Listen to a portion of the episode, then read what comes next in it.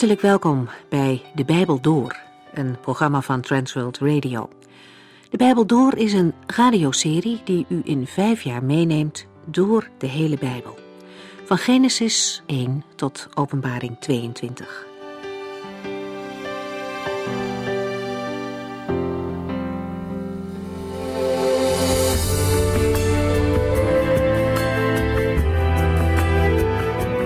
We zijn bezig in het eerste boek van de Bijbel, het boek Genesis. Vandaag gaan we verder met hoofdstuk 26, waar we waren gebleven bij het slot van Abrahams leven. Hij hertrouwt naar Sarah's dood en krijgt nog zes kinderen. Dit worden ook stamvaders van nieuwe volken, de Midianieten bijvoorbeeld. Abraham stuurt deze kinderen met voldoende geschenken weg uit de buurt van Isaac de man waaruit het volk van God verder zal ontstaan. En dan sterft Abraham en wordt door Isaac en Ismaël begraven. In het kort worden de kinderen van Ismaël genoemd en dan vervolgt het hoofdstuk met de geschiedenis van Isaac. De volken die ontstaan uit de andere kinderen van Abraham zullen af en toe het volk van Israël ontmoeten, maar ze spelen geen hoofdrol meer. Die is weggelegd voor Isaac en zijn kinderen. Toch is ook dit echtpaar vooralsnog kinderloos. God heeft een belofte van een groot volk gegeven aan Abraham, maar de vervulling ervan vraagt geloof, geduld en vertrouwen op die allerhoogste God. Het is mooi om te zien dat Isaac bidt voor zijn vrouw. Ze is ontvruchtbaar en hij legt het neer bij de Heere God. Dit ene vers verdient navolging. Een man die bidt voor zijn vrouw. En God hoort hem. Na twintig jaar huwelijk raakt Rebecca zwanger. Al gauw merkt ze dat er strijd is tussen de nog ongeboren kinderen. Ze begrijpt niet waarom haar dit overkomt. En met die waarom-vraag gaat ze naar de heren. Ze moppert niet, klaagt niet, ze praat er niet met allerlei mensen over. Nee, ze vraagt het eenvoudigweg aan God. En ze krijgt ook antwoord van God. Dan wordt de tweeling geboren. Twee totaal totaal verschillende jongens, Esau en Jacob. Ze groeien op, de een als vaderskind, de ander vooral een kind van zijn moeder. Esau is niet op God gericht, hij geniet van het hier en nu, en Jacob heeft een verlangen naar de dingen van God, ook al is hij lang niet volmaakt in zijn doen en laten. Maar zijn hart gaat uit naar de Here en zijn belofte.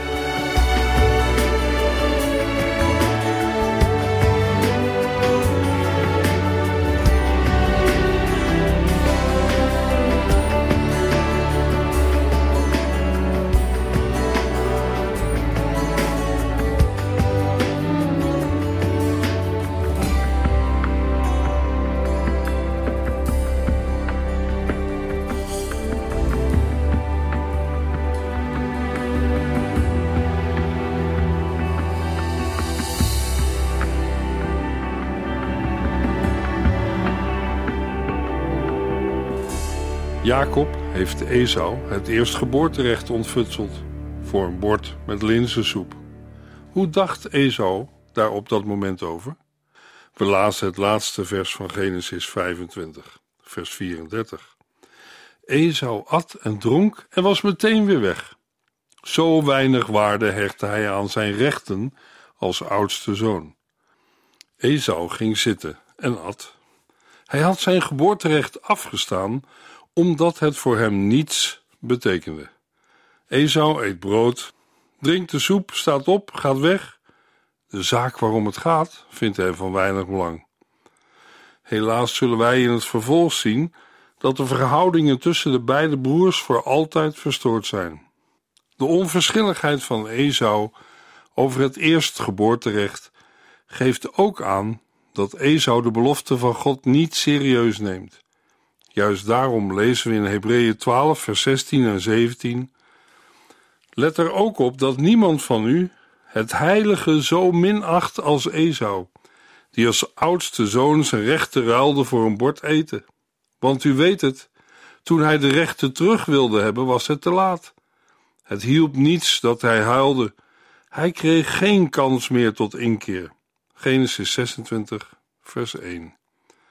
Er ontstond een zware hongersnood in het land. zoals al eerder was gebeurd toen Abraham naar Egypte uitweek. Isaac trok nu naar Gerar, waar koning Abimelech van de Filistijnen nog steeds de scepter zwaaide. Genesis 26 lijkt een kleurloos en oninteressant hoofdstuk. Lang niet zo spannend als bijvoorbeeld de geschiedenis van Abraham of later van Jacob. Dit hoofdstuk gaat over Isaac. In feite is Genesis 26 het enige hoofdstuk dat echt over Isaac gaat. Het is niet spectaculair. Alles wat Isaac doet is waterputten graven. Toch zullen we ontdekken dat Genesis 26 ook voor ons een boodschap heeft. Genesis 26 is een hoofdstuk waar geduld geleerd moet worden. Ook vandaag hebben sommigen van ons dat nodig. Ik hoor zeker ook bij die categorie. Isaac is de geliefde zoon. Hij ontvangt van God een herbevestiging van het verbond met Abraham. Vervolgens zien we dat Isaac in dezelfde zonde valt als zijn vader Abraham. Ten slotte zien we Isaac waterputten graven in het land Gerar. Ook al is dat niet spannend, laten wij de boodschap van Genesis 26 niet mislopen. In het eerste vers lezen we: Er ontstond een zware hongersnood in het land. Dit is al de tweede hongersnood in het beloofde land die wordt genoemd. Denk nog maar eens terug aan de hongersnood in de dagen van Abraham. Toen Abraham en Lot naar Egypte trokken. Genesis 26, vers 2. De Heere verscheen aan Isaac en waarschuwde: Ga niet naar Egypte. Opmerkelijk. Waarom zegt God dit tegen Isaac? Nou, Isaac had het voorbeeld van zijn vader Abraham. Zijn vader was op eigen houtje naar Egypte getrokken. Zo vader, zo zoon, kan ook met betrekking tot zonde worden gezegd. We hebben het wel eens over de generatiekloof, maar wat zonde betreft moeten we stellen dat er geen generatiekloof is. Het blijkt dat zonden gewoon doorgaan, door families heen, van vader op zoon en van moeder op dochter. In het algemeen maakt de zoon vaak dezelfde fouten als zijn vader, tenzij er iets tussen beiden komt. Dat maakt Isaac nu mee. De Heere God geeft Isaac duidelijk instructies: ga niet naar Egypte. Daarna bevestigt de Heer opnieuw het verbond dat hij met Abraham had gesloten. Genesis 26, vers 3 en 4. Doe wat ik zeg en blijf in dit land. Als u dat doet, zal ik bij u zijn en u zegenen. Dit hele land zal ik u en uw nakomelingen geven, net zoals ik uw vader Abraham heb beloofd. Uw nageslacht zal ontelbaar zijn als de sterren. Ik zal hun al deze landen geven en zij zullen een zegen zijn voor alle volken van de wereld. Prachtig hoe God tegen Isaac spreekt. Verlaat het land niet, ga niet naar Egypte. Ik wil met jou het verbond bevestigen dat ik met Abraham maakte. De Heere herhaalt de drievoudige belofte aan Abraham. Als eerste de landbelofte. Ik zal uw nakomelingen dit hele land geven. En als tweede de belofte van een groot volk. Uw nageslacht zal ontelbaar zijn als de sterren. En tenslotte als derde de belofte van zegen. Zij zullen een zegen zijn voor alle volken van de wereld. Genesis 26, vers 5. Dat doe ik allemaal omdat Abraham mijn bepalingen en wetten gehoorzaamde. Als God dit tegen Isaac zegt, heeft hij nog niet de wet gegeven. Dat komt later bij Mozes. Abraham kende de wet niet die de Heere later aan Mozes gaf voor het volk Israël. Toch hebben wij net gelezen: Dat doe ik allemaal omdat Abraham mijn bepalingen en wetten gehoorzaamde. Hoe moeten we dat zien? Abraham geloofde God op zijn woord. Als God iets tegen Abraham zei of vertelde, dan geloofde Abraham God en handelde in overeenstemming met de woorden van God. Hij toonde zijn geloof door te doen wat de Heere vroeg. Bij Abraham bleef het niet bij mooie woorden. Als geloven alleen iets is met woorden, mogelijk hele mooie woorden, maar niet aanzet of dringt tot daden, dan brengt het tot onzekerheid en de klacht: Ik voel niets van God. dan ervaar je geloof niet als relevant voor het leven van vandaag. Je zit te wachten en God maar steeds roepen: Kom tot mij. Als God als eerste mensen roept en vraagt: Volg mij en doe wat ik zeg. En wij blijven zitten waar we zitten en we verroeren ons niet en verwachten vervolgens dat er iets groots zal plaatsvinden. Wat denkt u dat er dan gaat gebeuren?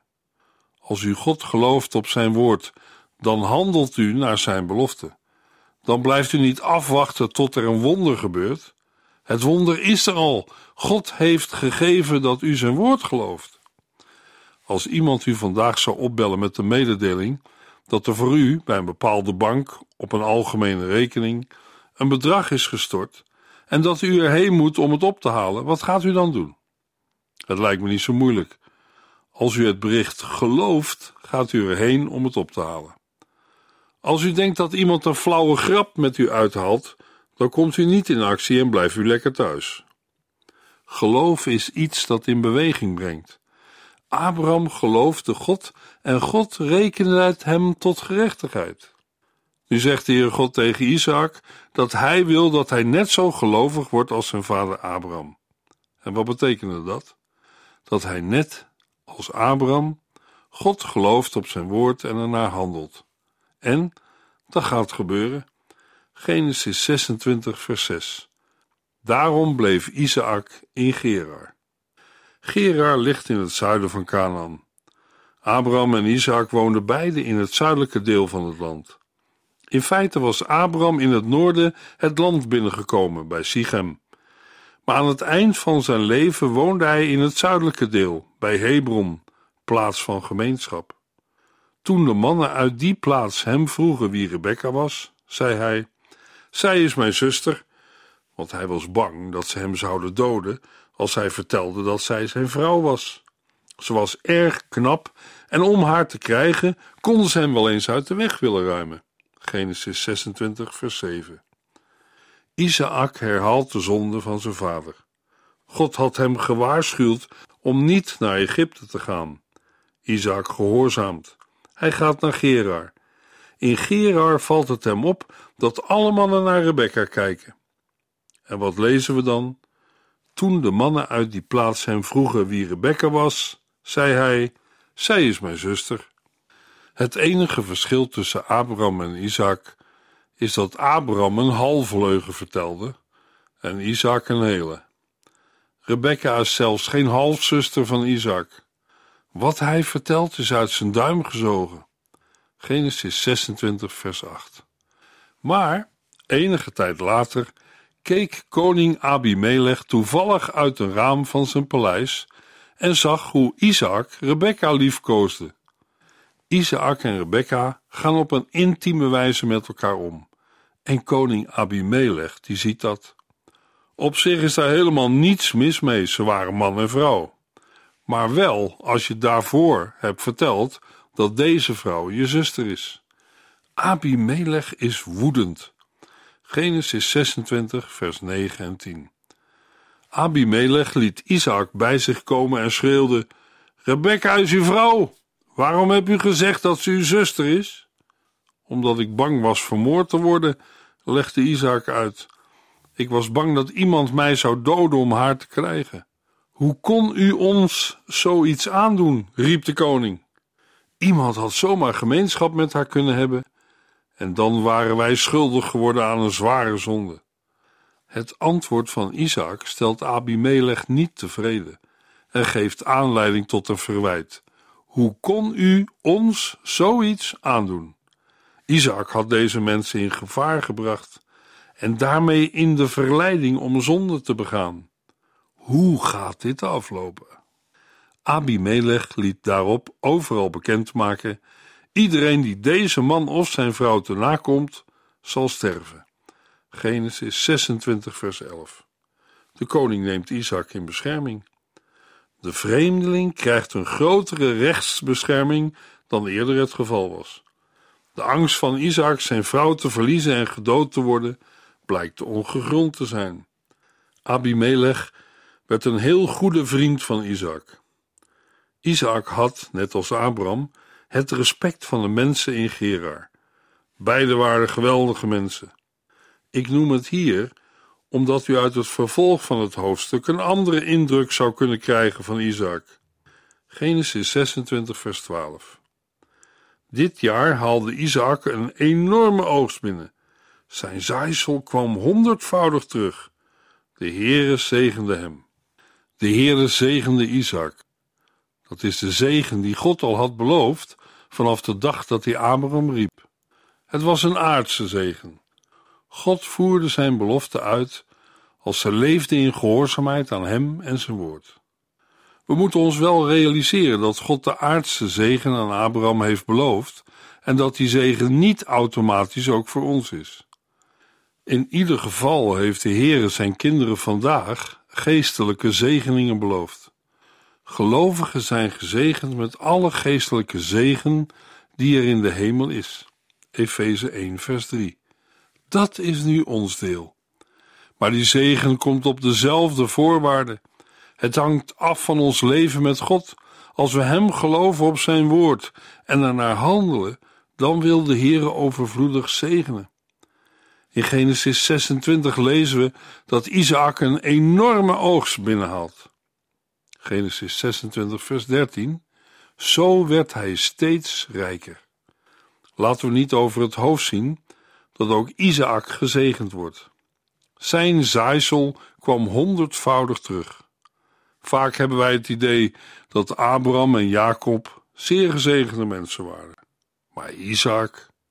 We lezen in Genesis 26 dat ook Isaac door de Heer gezegend werd en steeds rijker werd. Het is belangrijk dat het leven van Isaac vervlochten en verbonden is met dat van Abraham. Isaaks geboorte en zijn leven zijn met die van Abraham verweven. Waarom zou dat zo zijn? In de eerste plaats omdat al wat hen is overkomen ons ten voorbeeld is.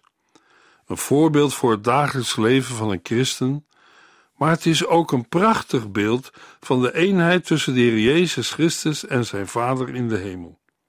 De Jezus zei: Wie mij gezien heeft, heeft immers de Vader gezien. Johannes 14, vers 9. In het hoge priesterlijk gebed zei Jezus: Daarmee heb ik gedaan wat u mij had opgedragen. Johannes 17, vers 4. En daarvoor, in Johannes 5, vers 17, zei hij: Mijn vader werkt voortdurend en ik dus ook. De eenheid en verbondenheid tussen de vader en de zoon wordt ook weerspiegeld in het leven van Abraham en Isaac.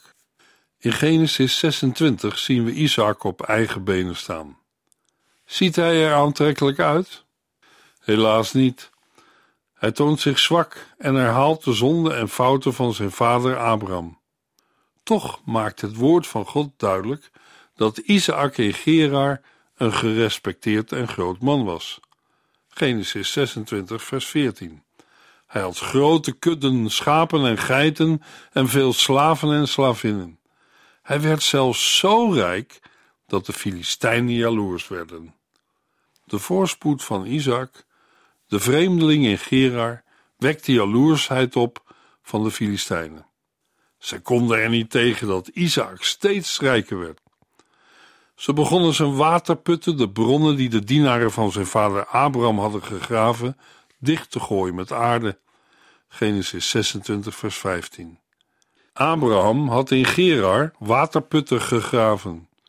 Toen waren er ook problemen over het eigendoms- en gebruiksrecht van de waterputten. Nu komt zijn zoon eraan en worden de putten van hem. Het bezit van een bron is van levensbelang, want de wijde gebieden zijn zonder water niet te gebruiken. De Filistijnen gooien de putten dicht met aarde. In Genesis 26 lezen we voor de eerste keer dat er vijandigheden zijn met de Filistijnen. Ook later, in de dagen van David, leidde dit voortdurend tot conflicten. Genesis 26, vers 16. Koning Abimelech verzocht Isaac ten slotte het land te verlaten. Vestig u ergens anders, zei hij, want u wordt te rijk en te machtig voor ons. Isaac is een belangrijk man geworden. Er komt een officieel verzoek om te vertrekken. De motivering doet denken aan de latere ervaring van Israël in Egypte in Exodus 1. Hoe beleefd het verzoek ook is ingekleed, Isaac begrijpt goed dat er geweld gebruikt zal worden als hij het verzoek niet inwilligt. Genesis 26, vers 17. Isaac gaf gehoor aan Abimelechs verzoek en vestigde zich in het dal van Gerar. Abimelech zei: U veroorzaakt een heleboel moeilijkheden, en het zou beter zijn als u wegging. Het valt op dat Abimelech groot respect heeft voor Isaac. Isaac keert terug naar een dal van Gerar, een gebied waar zijn vader Abraham ook waterputten had gegraven. Genesis 26, vers 18 tot en met 20. Hij liet de waterputten van zijn vader, die de Filistijnen na zijn vaders dood hadden dichtgegooid, weer opengraven en gaf ze dezelfde namen als zijn vader had gedaan. Zijn herders groeven nog een put in het dal van Gerar en stuitten op een bron, die uitstekend water leverde. Maar toen verschenen de plaatselijke herders op het toneel en eisten de nieuwe waterput op. Dit is ons land en dus ook onze put, vonden zij. Ze kregen ruzie met Isaaks herders. Daarom noemde hij die bron Esek, bron van ruzie. De herders van Isaac graven nieuwe putten. Daarbij stoten ze op een bron met levend water, dat wil zeggen met opborrelend water. Steeds is er weer spanning tussen de herders onderling over de putten en de bron. Water is in het leven een primaire levensbehoefte. Je kunt niet zonder. Een mens kan over woestijnen vliegen of over ander kurkdroog land, en dan wil het wel eens gebeuren dat je midden in die woestijn plotseling een groen en vruchtbaar gebied ziet liggen. Hoe kan dat? Er is water. Water is de enige verklaring. De Heer Jezus spreekt ook over levend water. Hij is zelf het water des levens en zegt dat stromen van levend water uit het binnenste van een gelovige zullen komen. Geen woorden van mensen, maar woorden van God. Woorden van God die je dorst lessen, maar ook woorden van God die reinigen en schoonwassen. Als we het woord van God bestuderen en opdrinken, als we God geloven op zijn woord, dan gaat er gebeuren wat de Heer Jezus zegt in Johannes 7, vers 38. Als u dorst hebt, kom dan bij mij om te drinken. Er staat geschreven dat stromen van levend water uit uw binnenste zullen komen als u in mij gelooft. Luisteraar, is het woord van God voor u als water? Vaak moet er strijd om het water worden geleverd, net als bij Isaac. Strijd? Ja, strijd. Wij mensen zijn vaak zo druk dat er bijna geen tijd is om te drinken, de Bijbel te lezen of erover te praten en te bidden. We zullen een prijs moeten betalen als wij ons werkelijk willen verdiepen in het woord van God. Maar als we tijd voor God apart zetten en zijn levend water gaan drinken, dan mogen we vrucht dragen. Dan wordt alles groen. Dan komt er ruimte. Genesis 26, vers 21 en 22. Isaaks mannen groeven een nieuwe put, maar opnieuw ontstond er ruzie over. Isaac noemde deze bron Sitna, bron van woede. Ook deze bron stond Isaac af en hij liet weer nieuwe graven. Plaatselijke bewoners hadden er nu genoeg van en lieten hem verder met rust. Daarom noemde hij de nieuwe bron Regobot, bron van ruimte. Want, zei hij, de Heer heeft ruimte voor ons gemaakt, zodat wij in dit land aangenaam kunnen wonen. Isaac noemt die put Regobot. Het betekent er is ruimte voor ons. Daarvoor groef hij putten die hem werden afgenomen. Isaac was geen mietje, maar een man van vrede en geduld. Genesis 26, vers 23 en 24. Vanuit het dal van Gerar trok Isaac naar Beersheba. S'nachts verscheen de Heer aan hem en zei: Ik ben de God van uw vader Abraham. Wees niet bang, want ik ben bij u en zal u zegenen. Ik zal u zoveel nakomelingen geven dat ze een groot volk vormen, omdat ik dat heb beloofd aan Abraham, die mij heeft gehoorzaamd. God verschijnt aan Isaac om hem te bemoedigen. Genesis 26, vers 25. Toen bouwde Isaac een altaar en riep de naam van de Heer aan. Hij vestigde zich op die plaats en zijn dienaren groeven er een waterput. Isaac gaat verder met het graven van waterputten. Bij iedere aartsvader kun je wel een specifiek kenmerk noemen. Bij Isaac is het een waterput, bij Abraham een altaar en bij Jacob een tent. Genesis 26, vers 26 tot en met 29. Op een dag kreeg Isaac bezoekers uit Gerar. Koning Abimelech, diens vriend Aguzat en legerbevelhebber Pichol. Vanwaar dit bezoek? vroeg Isaac. Ik dacht dat u mij gevaarlijk vond en daarom uw land hebt uitgezet. De bezoekers antwoordden behoedzaam. We hebben duidelijk gezien dat de Heer u zegent en daarom willen wij graag een verdrag met u sluiten. Beloof ons dat u zich niet tegen ons zult keren. We hebben u tenslotte ook niet slecht behandeld. Integendeel, we hebben u goed behandeld en in vrede weggestuurd. U bent immers de door de Heere gezegende. Abimelech vraagt om een verdrag en toont zich daarmee de minste. Het verdrag wordt gesloten.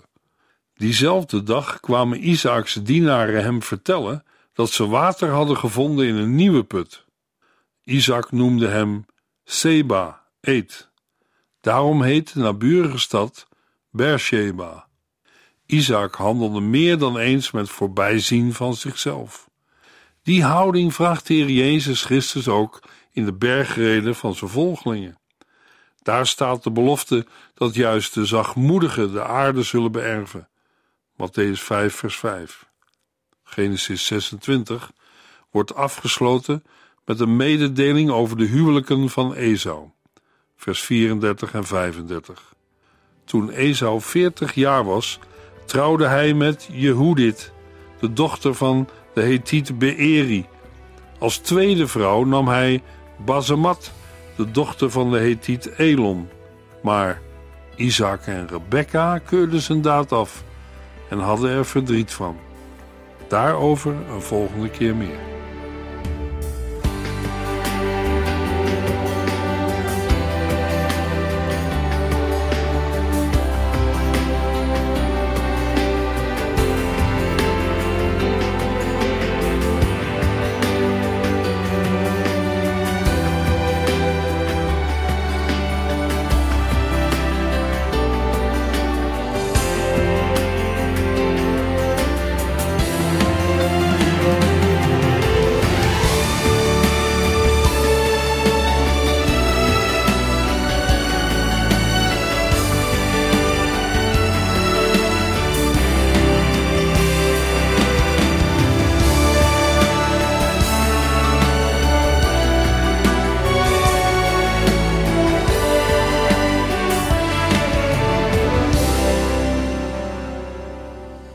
Geluisterd naar De Bijbel Door. In het Nederlands vertaald en bewerkt door Transworld Radio. Een programma waarin we in vijf jaar tijd de hele Bijbel doorgaan. Als u wilt reageren op deze uitzending of u heeft vragen, dan kunt u contact met ons opnemen. Tijdens kantooruren kunt u bellen op 0342 47 8432. 0342 47 8432. 32. Ook kunt u een e-mail sturen naar de Bijbel door transworldradio.nl en natuurlijk kunt u ook via de post ons bereiken. TWR, postbus 371, postcode 3770, AJ in Barneveld. Dit programma werd gepresenteerd door Cor Weda en Ike André. Techniek was in handen van Odin van Woerdekom. En wij allemaal bedanken u voor het luisteren. Graag tot de volgende keer.